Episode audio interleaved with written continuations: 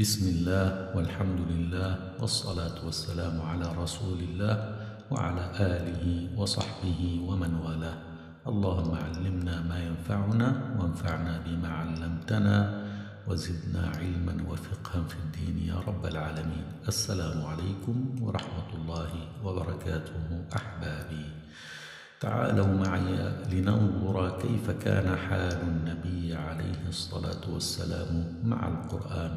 هذا عبد الله بن مسعود رضي الله عنه يخبرنا حالا من أحوال رسول الله عليه الصلاة والسلام مع القرآن.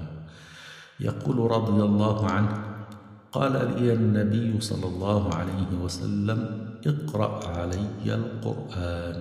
فقلت يا رسول الله أأقرأ عليك وعليك أنزل؟ قال إني أحب أن أسمعه من غيري. قال فقرأت عليه سورة النساء حتى جئت إلى هذه الآية فكيف إذا جئنا من كل أمة بشهيد؟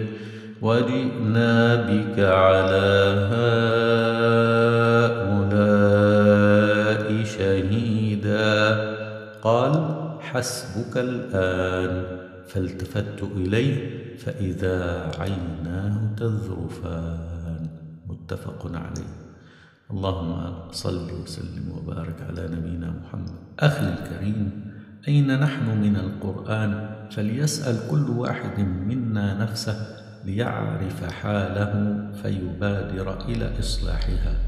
يروي لنا الإمام البخاري ويحدثنا أبو موسى الأشعري رضي الله عنه أن رسول الله صلى الله عليه وسلم وصف لنا أحوال الناس مع القرآن ويضرب لنا أمثلة عليه الصلاة والسلام فيقول مثل الذي يقرأ القرآن كالأترجة طعمها طيب وريحها طيب والذي لا يقرأ القرآن كالتمرة طعمها طيب ولا ريح لها.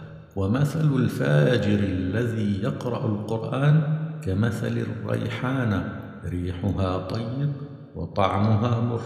ومثل الفاجر الذي لا يقرأ القرآن كمثل الحنظلة طعمها مر ولا ريح لها. هذا الحديث في صحيح البخاري. تشبيه وضحه لنا نبينا عليه الصلاة والسلام وبينه لنا فقارئ القرآن طيب النفس ولا يخرج منه إلا طيبا. وهاجر القرآن كالحنظلة الحامضة التي لا طعم زكي لها ولا رائحة فاختر لنفسك صنفا. أنتم أحباب الكرام أصحاب الهمم العالية فلا ترضون إلا طيبا. فأقبلوا وأبشروا فلا وقت لدينا لنضيعه